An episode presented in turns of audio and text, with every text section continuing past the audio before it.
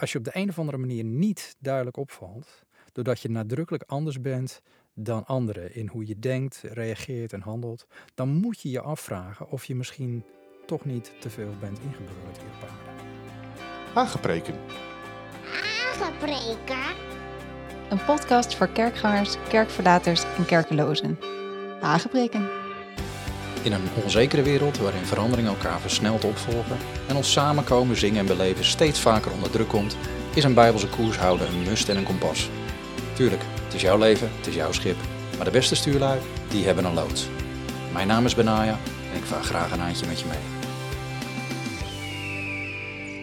Hi, en tof dat je weer luistert naar Hagenpreken. En welkom terug in het thema Opgroeien in het Verborgen Koninkrijk, waarin we kijken wat er voor nodig is om vat te krijgen en te floreren in een wereld die God heet, zou ik bijna willen zeggen.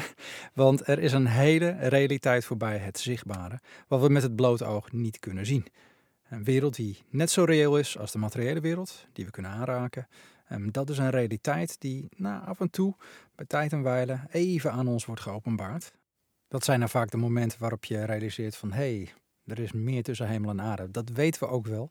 Maar op de momenten dat de geest van God daarvoor kiest, dan, uh, ja, dan is dat prachtig. Tegelijkertijd merk je ook soms dat het aan ons opdringt. Hè? Dan maak je dingen mee dat je denkt, wow, dat had ik liever niet meegemaakt. Maar meestal blijft het verborgen voor onze vijf zintuigen. En daardoor is het niet minder reëel of minder van invloed op ons bestaan, maar is het denk ik ook een stukje bescherming. Af en toe zou het wel eens makkelijk zijn, denk ik wel eens, om, om wat meer te zien. Maar ja, dat zou je misschien ook wel helemaal de spook schrijven. Dat je denkt, wow, wat, wat is er allemaal aan de hand? En uh, het tegendeel kan ook.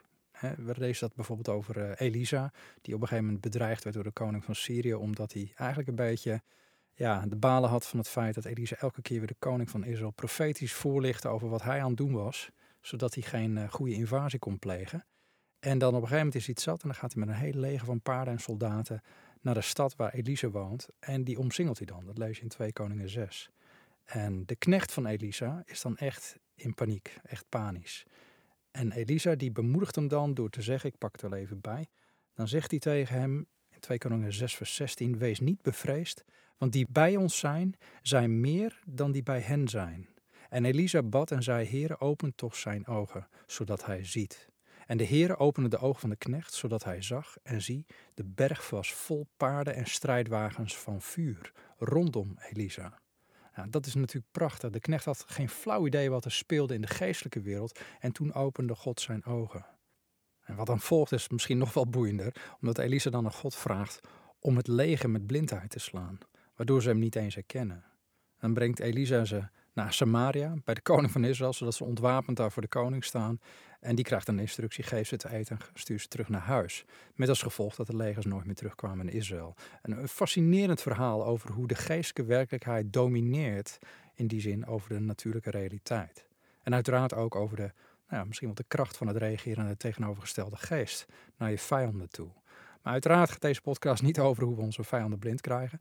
Maar je begrijpt mijn punt. De geestelijke wereld is echt. De wereld van God is groter dan wat we zien. En in dit seizoen kijken we specifiek naar hoe dit eruit ziet voor ons. Hoe wij ons als vreemdelingen en bijwoners gedragen in de natuurlijke wereld waarin we zijn geplaatst door de Schepper. Want zo betitelt de schrijver van de Hebreeënbrief ons als vreemdelingen en bijwoners. Hebreeën 11 lees je dat. Het, het, staat daar dat talloze heiligen, hele generaties van gelovigen ons zijn voorgegaan en dat zij en vers 13, alle in geloof zijn gestorven en de vervulling van de belofte niet hebben verkregen, maar die vanuit de verte hebben gezien en geloofd en begroet. En zij hebben beleden dat zij vreemdelingen en bijwoners op de aarde waren. En wat wil het nu eigenlijk zeggen dat je, als je jezelf zo gaat zien? Dat zegt de schrijver ook, namelijk het volgende vers zegt, want wie zulke dingen zeggen, laat het duidelijk blijken dat zij een vaderland zoeken. Oftewel, leven met die mindset dat je hier slechts een vreemdeling bent en dat je vaderland elders is, is dus geen vlucht uit de werkelijkheid, zoals sommigen denken. Het is simpelweg gehoorzaamheid aan een hele bekende opdracht van onze Heer Jezus Christus, die zei: zoek eerst het koninkrijk van God en zijn gerechtigheid. Een goede vraag. Ben je dagelijks zoekende? Ben je speurende naar dat koninkrijk, naar Gods kijk op gerechtigheid? Of, of zing je het alleen op zondag? Dat is misschien een goede vraag om jezelf te stellen. En Jezus zette dit als prioriteit. Boven alles. Zoek eerst het koninkrijk. Dat betekent dus voor hetgeen wat meestal de meerderheid van onze tijd in beslag neemt. Dat is hè, onze zorgen voor ons leven hier op aarde. Het verdienen van geld, het betalen van onze rekeningen. Lees een stuk maar eens na, Matthäus 6. Het betreft eten, drinken, kleding, maar ook de zorgen rondom ons lichaam. Wauw. Het is goed voor ons om dit eens dominant in ons denken te bouwen. Hè? Juist in een tijd van virussen, oorlogsdreigingen en ja, de economische recessie waar we op afsteven of eigenlijk al in zitten. En de heiligen die ons voorgingen zetten de toon, zegt de schrijver van Hebreeën. Die zetten bewust hun focus op het hemelse. Daar zochten ze naar toen ze hier nog rondwandelden. Want er staat, vers 15, hetzelfde vers van hoofdstuk 11. Als zij aan het vaderland gedacht hadden waaruit ze zijn weggegaan, zouden ze gelegenheid hebben gevonden om er naar terug te keren. Maar nu verlangen zij naar een beter, dat is een hemels vaderland. En daarom schaamt God zich niet voor hen, om hun God genoemd te worden. Want hij had voor hen een stad gereed gemaakt. Ze verlangen daarna, naar een beter en hemels vaderland. Verlangen, dat is een heel sterk woord. Dat is meer als ergens rekening mee houden, of, of ter kennisgeving aannemen van, ja, nou, er is een hemels vaderland. Verlangen is iets actiefs, iets wat zich ja, eigenlijk opdringt en andere zaken met regelmaat overheerst. Verlangen. En God schaamt zich niet voor degene die naar zijn vaderland verlangen. En die niet meer terugdenken aan het land dat ze voorheen als vaderland beschouwden, zegt het hier. Ik heb ooit eens een keer een preek in de Amerikaanse kerk gehouden over dit onderwerp, getiteld Is God ashamed to be called your father? En ik kan je zeggen, dat viel niet goed bij veel mensen. Vooral omdat het patriotisme zo enorm sterk is verweven met het christelijk geloofsleven in Amerika, dat het lastig is voor veel gelovigen om in de spiegel te kijken en te erkennen dat Amerika helemaal niet zo great is. En blijkbaar zeker niet first. En, en dat bijbels gezien onze loyaliteit primair bij het Koninkrijk van God ligt. Niet bij nationaal belang en aardse termen. Gods Koninkrijk overstijgt namelijk aardse rijken en aardse belangen. En natuurlijk horen wij ons dienend op te stellen. Dat, dat deed Daniel ook. Zelfs onder een een tyranniek systeem als Babylon, notabene onder een despoot als Nebukadnezar, maar niet zonder de waarden, de wetten en de principes van Gods koninkrijk geweld aan te doen. Daar trekken we een streep als mensen van God. En waarom? Omdat we hier dus vreemdelingen en bijwoners zijn. En die twee woorden die de schrijver van Hebreeën hiervoor gebruikt zijn xenos en parepidemos. Xenos, ons wel bekend in Nederland vanwege de leuke Oosterse snuisterijtjes, en helaas ook van de goedkope boeddhabeeldjes, betekent simpelweg vreemd of buitenlands of niet deel van de familie. Dat is heel toepasselijk voor zo'n winkel, maar hoe accuraat is dat ook voor ons? Hè? We zijn ook deel van een andere familie. God is onze vader. En de mensen die hem afwijzen, hebben in principe de overste van deze wereld tot vader, de duivel. Of ze zich daar nou bewust van zijn of niet. Tenminste, als we de Heer Jezus op zijn woord willen nemen. Hij sprak toen over mensen die de waarheid niet geloofden. En toen zei hij dus, je hebt de duivel als je vader. Lees maar na, Johannes 8. En het tweede woord is parepidemos. Dat is een woord samengesteld uit drie Griekse woorden. Para, wat dichtbij betekent. Epi, wat in of onder betekent. En demos, wat mensen betekent. Dus eigenlijk, om het samen te vatten, dichtbij, onder de mensen. Dat wil zeggen dus dat we geen reizigers zijn. Die simpelweg langskomen en dan weer weggaan. Larry Norman zei het al, only visiting this planet. Niet helemaal. Reizigers zijn namelijk niet betrokken bij het land waar zij doorheen trekken. Ja, en God zit nu eenmaal niet in de toeristenindustrie. Hij is Emmanuel, God met ons. Niet de God die even langskwam om te kijken. Maar wij zijn vreemdelingen. En dat is ook weer niet hetzelfde als bijvoorbeeld vluchtelingen. vluchtelingen zoeken een veilige thuishaven, een betere toekomst in het land waar ze naartoe zijn gevlucht. Wij weten dat in deze wereld überhaupt niet zoiets te vinden is. Onze betere toekomst ligt niet hier. Maar we zijn wel echt vreemdelingen, parepidemos, mensen die erbij zijn komen wonen. In die zin is de Nederlandse vertaling van het Grieks erg goed weergegeven. En vorige keer heb ik nog eens onderstreept dat het belangrijk is dat we, wat de Bijbel noemt, de dingen bedenken die boven zijn. Colossense 3 vers 1. Dat we die dingen bewust in gedachten houden. Dat we enerzijds niet moeten schuwen om onze voeten hier in de aardse klei te zetten, maar tegelijkertijd wel een blik omhoog moeten houden. Zo ziet echte geestelijke nuchterheid eruit. Gewoon omdat het geestelijk bijzonder gezond en ook normaal is om te verlangen naar dat betere hemelse vaderland. En hoe wij als vreemdelingen met een hemels vaderland ons gedragen onder de mensen van dit aardse land, dat bepaalt of we, nou ja, of een emigratiegolf kunnen creëren. Want dat is natuurlijk wel onze opdracht. Discipelen maken van alle volkeren, van alle etnos, alle etnische groepen staat er letterlijk. Nu zeg ik daarmee niet dat wie we zijn en hoe we leven en bewegen door deze wereld ook per definitie direct aantrekkelijk zal zijn voor anderen. Want dat zal echt niet zo zijn. Toch geloof ik dat ons vreemdelingschap, zoals sommige vertalingen het noemen, dusdanig behoort te zijn dat onze aanwezigheid op zijn minst vragen hoort op te roepen of mensen een spiegel voorhoudt. Want dat creëert een keuzemoment.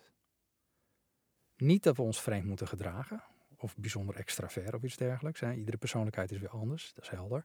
Maar toch, als je op de een of andere manier niet duidelijk opvalt, doordat je nadrukkelijk anders bent dan anderen in hoe je denkt, reageert en handelt, dan moet je je afvragen of je misschien toch niet te veel bent ingeburgerd hier op aarde.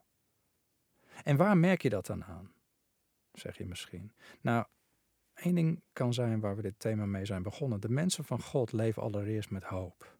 Een soort onderstroom van verwachting van iets beters van een positieve verandering in een wereld die in toenemende mate hopeloos wordt en geen oplossingen meer ziet. Maar we leven ook als vreemdelingen met een onstuitbaar en vasthoudend geloof. Daar hebben we het ook over gehad. Waar andere mensen in paniek raken bij het zien van de dingen die over de wereld zullen komen. Zoals Jezus ons al voorzegd heeft. In, in wat zou gebeuren vlak voor zijn komst. En dit is dus een geloof. Maar niet een geloof in onszelf. En ook niet een geloof in een soort nou ja, collectief kunnen van de mensheid, zoals op veel verschillende manieren aan de man wordt gebracht vandaag de dag. Het is geloof in God. In een afhankelijkheid van God en Gods ingrijpen.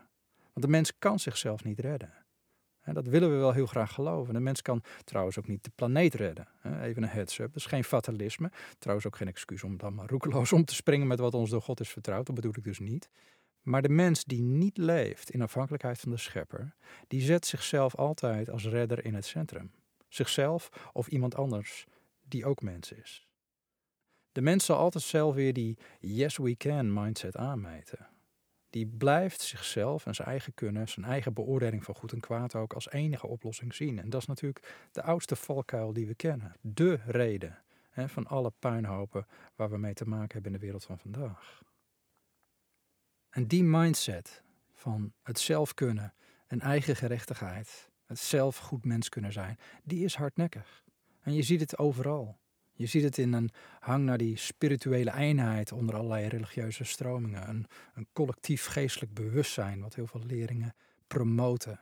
Zelfs de hedendaagse paus promoot wereldwijde broederschap en het bewerken van wereldvrede door alle religies, volgens de officiële documenten op de website van het Vaticaan. Ongelooflijk. Maar je ziet ook op regeringsvlak. Er is een toenemende drang naar centralisatie. Steeds weer die hang naar een one-size-fits-all oplossing voor de hele wereld. Vanuit de politiek, vanuit de bankenwereld, vanuit de grote coöperaties. Zo van, als we allemaal internationaal hetzelfde doen en dezelfde richtlijnen volgen, dan worden de problemen in deze wereld opgelost. En begrijp me niet verkeerd, soms is zo'n globale samenwerking beslist nuttig. Sommige internationale verdragen zijn echt ook hard nodig en heilzaam. Maar we zien ook de gebreken. Het gebrek aan maatwerk wat leidt tot verlies van eigen ja, uh, soevereiniteit, eigen autonomie, eigen beslissingsbevoegdheid en, en de dwang die daar vaak achter zit. En niet zelden omdat de machtsverhoudingen en de financiële belangen ook een vinger in de pap hebben. Maar goed, genoeg maatschappelijke reflecties. Daar gaat deze podcast niet over. Maar mijn punt is dit: omdat de beoogde veranderingen in deze wereld niet op hartsniveau plaatsvinden, verandert het denken van de mensen ook niet. Alleen maar het gedrag. En daar nemen heel veel leiders en influencers dan vaak maar genoegen mee. Vandaar dat wanneer als gedrag dan niet blijkt te veranderen, of toch nog blijft sudderen in een oud denkpatroon, dat dan maar ja, vaak via wetgeving uh, dingen moeten worden afgedwongen. Maar als verandering enkel moet bewerkt worden door de wet, in combinatie met een bombardement van, nou wat hebben we tegenwoordig, brainwashing en, en angst, eh, voor mogelijke rampspoed of dingen die fout kunnen gaan, ja, dan mist nog steeds die innerlijke overtuiging van het hart. En als iets ons, vreemdelingen van het verborgen koninkrijk van God, kenmerkt, dan is het wel een innerlijke overtuiging en een verandering van hart en een vernieuwing van ons denken van dag tot dag. Het Oude Testament laat het al zien dat de wet goed is en zonder gedrag in de kiem smoort vanwege de sancties op de overtreding van de wet en de angst voor de gevolgen, maar dat het hart niet verandert in een vrijwillig leven naar de waarde achter de wet. Lees Romeinen 7 maar eens door als je dat beter wil begrijpen. Maar hoe anders is het koninkrijk van God, wat door de Heer Jezus tot ons kwam? Hoe anders is het evangelie, letterlijk het goede nieuws? Daarin ligt die uitnodiging van onze Heer: volg mij en leer van mij. En dit berust op een vrije wil en een eigen keuze. Niemand wordt gedwongen de waarden en de principes van zijn verborgen koninkrijk na te volgen. Sterker nog, toen de meeste mensen zijn woorden te moeilijk vonden en wegliepen, zei Jezus tot zijn laatste twaalf discipelen: Wil je ook niet weggaan? Je leest dat zo prachtig, Johannes 6, vers 66, 67. Prachtig. En een leider die totaal niet de neiging heeft om mensen aan zich te binden maar de uitnodiging openlaat. Hij wordt daar niet onzeker van als iedereen wegloopt. Wat een voorbeeld. Zouden veel leiders een voorbeeld aan moeten nemen.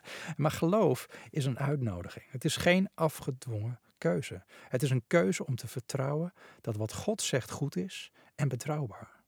En daarom is geloven niet alleen in de Heer Jezus als redder van de wereld en, en als redder uh, van ons zondige leven, maar ook geloven als levenswandel zo enorm bevrijdend. En natuurlijk, ja, dat is de slow route. Dat is de langzame weg. En hoe mooi zou het zijn als iedereen gewoon die keuze maakte. Wat een ellende zou het scheiden, nietwaar? Maar God moet ook wachten. God moet wachten tot op mensen die keus maken. En de Bijbel zegt dat ook. 2 Peter staat zo mooi. Dat hij heeft geduld met ons en wil niet dat enige verloren gaan, maar dat alle tot bekering komen. En tegelijkertijd zegt diezelfde tekst ook, maar de dag des Heren zal komen als een dief in de nacht. Mag ik hem er even bij pakken, want ik lees het even verder, want het zet wel de toon voor ons, die, die tekst. Hij heeft geduld met ons en wil niet dat enige verloren gaan, maar dat alle tot bekering komen. Maar de dag van de Heere zal komen als een dief in de nacht. Dan zullen de hemelen met gedruis voorbij gaan en de elementen brandend vergaan. En de aarde en de werken daarop zullen verbranden. Als deze dingen dus allemaal vergaan, hoe danig behoort u dan te zijn in heilige levenswandel en in godsvrucht? U die de komst van de dag van God verwacht en daarna verlangt, daar heb je het verlangen weer. De dag waarop de hemelen door vuur aangestoken, wauw, zullen vergaan en de elementen brandend zullen wegsmelten. Maar wij verwachten over een komstig zijn belofte nieuwe hemelen en een nieuwe aarde waar gerechtigheid woont. 2 Petrus 10, vers 13 tot en met 13. Oftewel, je ziet het hier letterlijk staan: de nieuwe hemel of hemelen zelfs, en de nieuwe aarde zullen niet door mensenhanden worden gerealiseerd. Dat betekent niet dat we niet milieubewust met de planeet moeten omgaan in het hier en nu, maar het is wel een reality check dat uiteindelijk deze planeet niet door ons zal kunnen worden opgeruimd en hersteld tot volle glorie.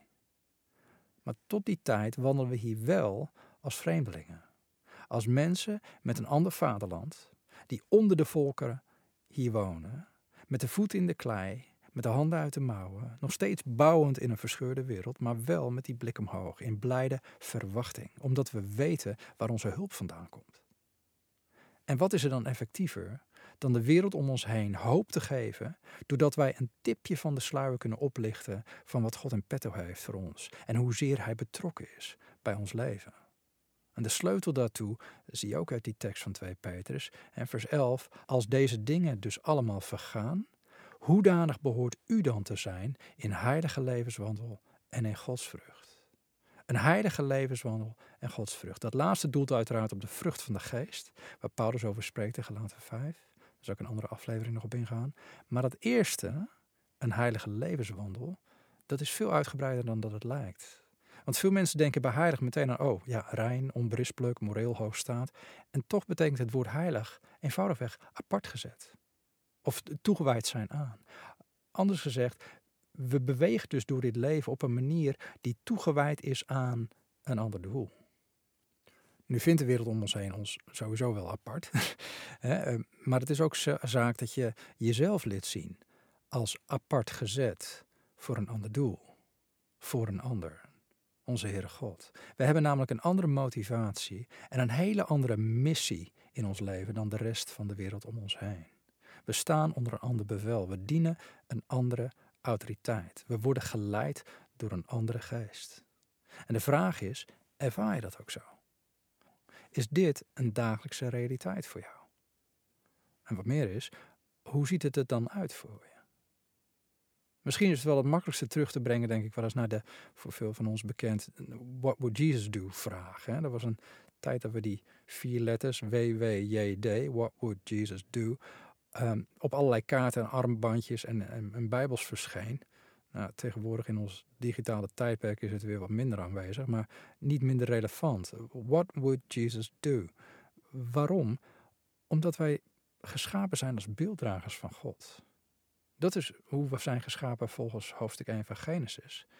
Dit beeld moest zichtbaar zijn in de manier hoe wij heersten over de schepping, oftewel hoe wij ons opstellen, orde brengen en zorg dragen voor wat ons is toevertrouwd, maar ook in hoe we ons man en vrouw zijn vertolken.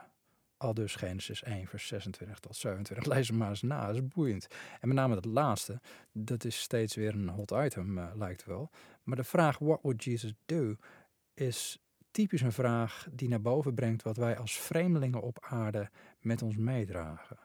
Want terwijl de wereld zich een beeld probeert te vormen over wie of wat we precies zijn en wie God is en of die bestaat, hebben wij de taak om dit, dit geheim, Christus in ons, naar buiten te brengen. Daar hebben we het een uitzending eh, of een aflevering eerder wel over gehad. Colossense 1 vers 27, het grote geheim, Christus in ons, de hoop der heerlijkheid. En dat kan betekenen dat we soms onszelf en onze eigen voorkeuren of eigen verlangens even opzij moeten zetten, zodat Christus in ons ruim baan krijgt om zichtbaar te worden. Nou, misschien vraag je je af, hoe ziet er dat dan uit, Benaya? Nou, als ik even, er zijn tal van voorbeelden die ik kan noemen, maar eh, ik herinner bijvoorbeeld Mike. dat was een, iemand die wij ontmoeten op onze huwelijksreis. We waren net aangekomen in Edinburgh, de hoofdstad van Schotland. Iedereen vroeg zich af, wie gaat er nou naar Schotland op een huwelijksreis? En het heeft de reputatie van regen, maar het was, hier was het, nou, ik geloof wel 33 graden. Het was daar keurig 25. Hier was de hittegolf. Zo een prachtige reis gehad. En we zouden toen vanuit Edinburgh met de trein naar het noorden trekken. En toen zaten we wachtend op de bus, uh, namen we plaats in een bushokje, naast een man die ongelooflijk stonk en naar vuil en urine rook. Um, nou, en je eerste natuurlijke reactie is dan even afstand houden, voor ik over mijn nek ga. En voor sommigen, die zouden dan de neus dichtknijpen of ergens anders heen gaan. Maar we zagen dat de man aan het trillen was. En hij had rode ogen, hij staarde wat voor zich uit. En we wisten dus, nou, hij heeft hulp nodig. We raakten in gesprek en ik vroeg zijn naam.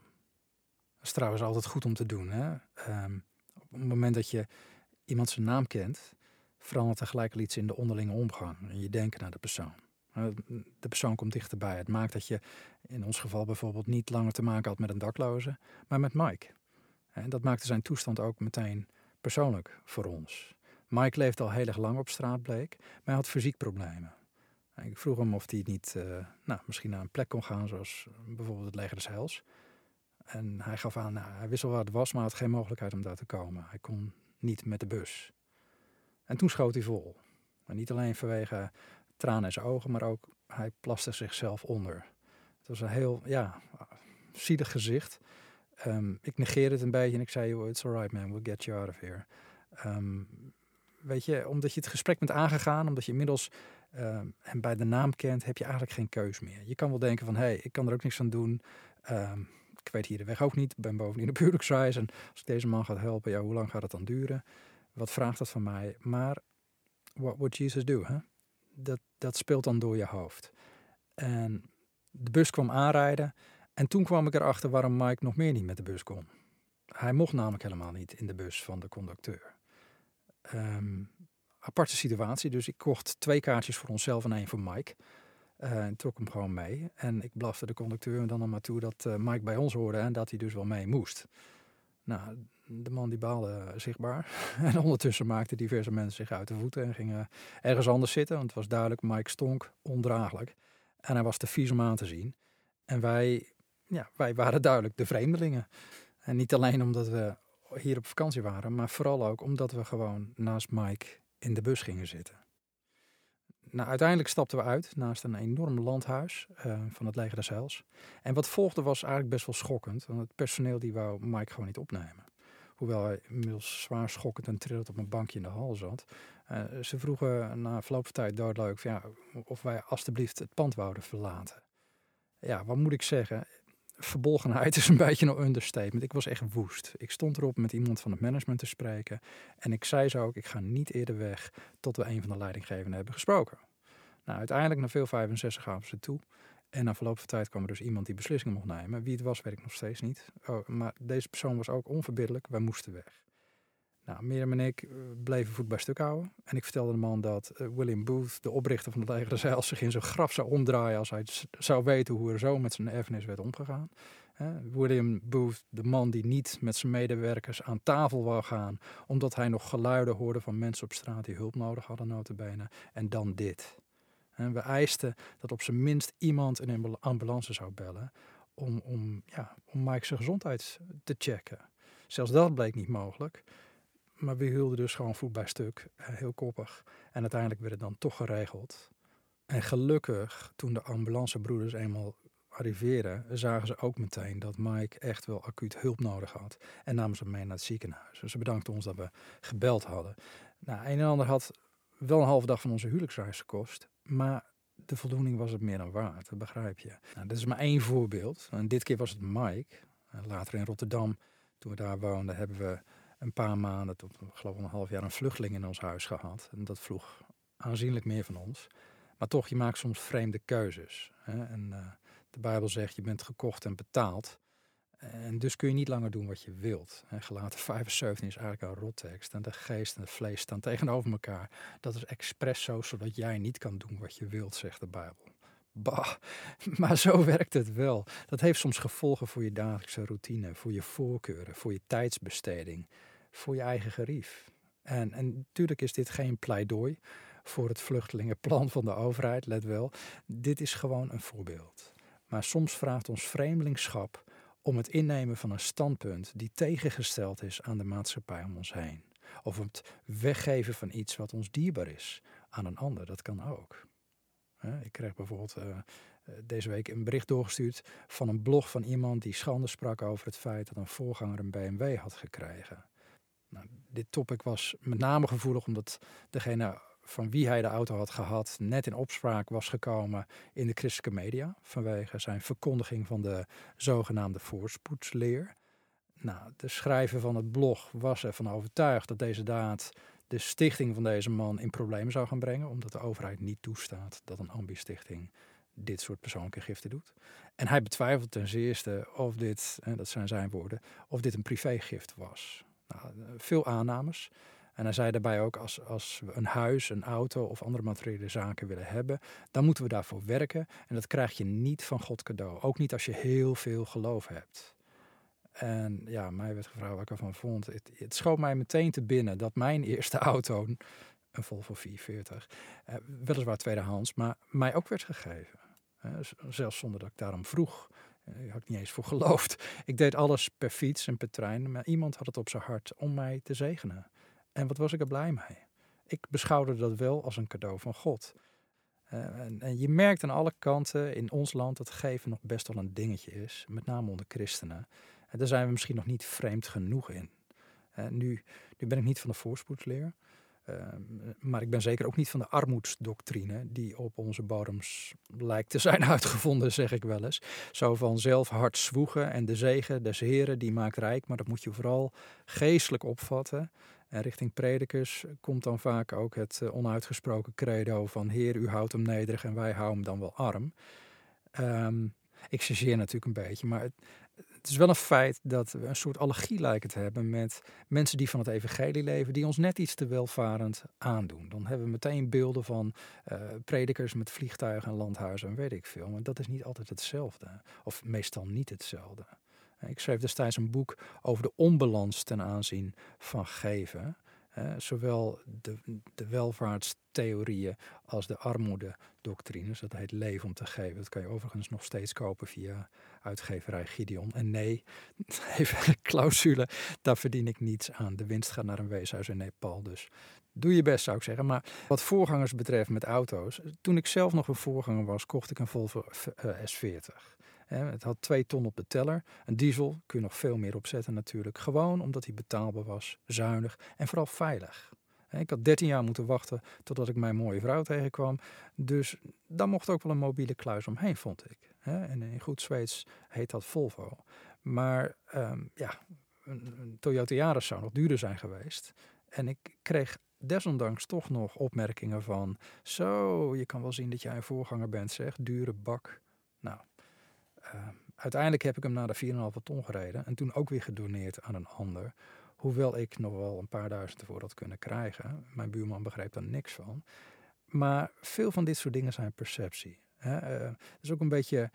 Um, ja, misschien zo'n column ook over dit soort dingen het spreekt ook wel een beetje van het onvermogen om blij te zijn met de zegen van iemand anders. Een zegen die zo ver boven je eigen voorstellingsvermogen, boven je eigen verwachtingspatroon misschien wel, of laat ik maar eerlijk zijn, ook je eigen geefgedrag soms ligt. Dat, dat is zo vreemd dat kritiek hebben het makkelijkste is wat er is.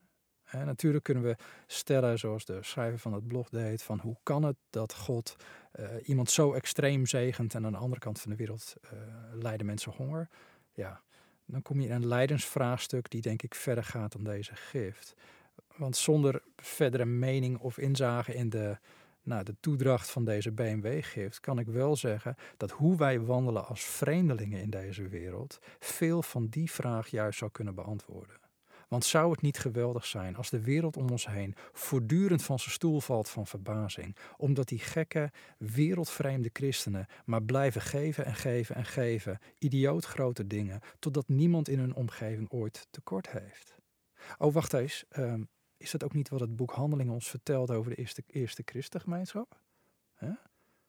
Wat staat daar? Daar staat: De menigte van hen die geloofden was van één hart en één van ziel. En niemand zei dat hij iets bezat dat van hemzelf was, maar alles hadden ze gemeenschappelijk.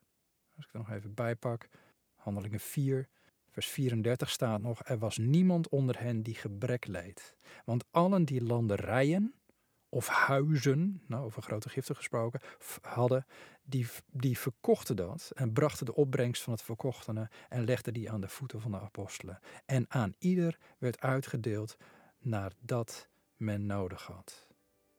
Er was geen regering die hen op de, de vinger stikte. Er was ook geen stichting trouwens. Maar het boeiende is, er werden landerijen uh, verkocht en huizen verkocht. De opbrengst van het verkochte, dat werd uitgedeeld. Hè? Uh, prachtig. Ik denk nog wel eens, we hebben een lange weg te gaan met z'n allen in ons keurige manicuurde landje met huisje, boompje, beestje in het vaandel. Maar het begint voor ieder persoonlijk, met een andere manier van denken.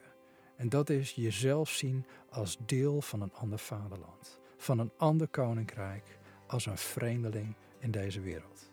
Iemand die anders denkt, Iemand die anders handelt, iemand die anders wandelt, iemand die anders uitreikt en ook iemand die anders geeft. Misschien wel zoals Jezus ten koste van zichzelf. Met een gezonde afstandelijkheid naar alles wat je bent, bezit en beheerst. En waarom? Omdat je realiseert het is allemaal tijdelijk en je hebt het allemaal in bruikleen. En het bezit van de koning die jouw leven gekocht en betaald heeft, is van hem nog steeds. En jijzelf bent ook van Hem. Hij heeft jou geplaatst in deze wereld, in dit land, op deze plek, in deze familie, in deze leefomgeving. En Hij heeft jou dit budget gegeven misschien wel. En weet je, je zal nog vreemd opkijken wat Hij kan doen als jij naar Hem blijft luisteren en je koers uitzet in de richting die Hij aangeeft. En dat hoop ik je mee te geven. Blijf eens luisteren. Blijf koers houden naar wat Hij zegt. Wat je mag doen. En wat je mag geven. En wat je mag bewerken in deze wereld. Want je bent niet van deze wereld. Je bent een vreemde. Dus laten we daar naar wandelen. Heb je vragen, aanvullingen of opmerkingen? Stuur een mailtje naar podcast.saintcanine.com. Dat schrijf je saintk9.com. Ook even een bedankje aan de sponsors die het mogelijk maken om deze podcast in de lucht te houden. Hartelijk dank. Wil je ook sponsoren? Kan via saintk9.com.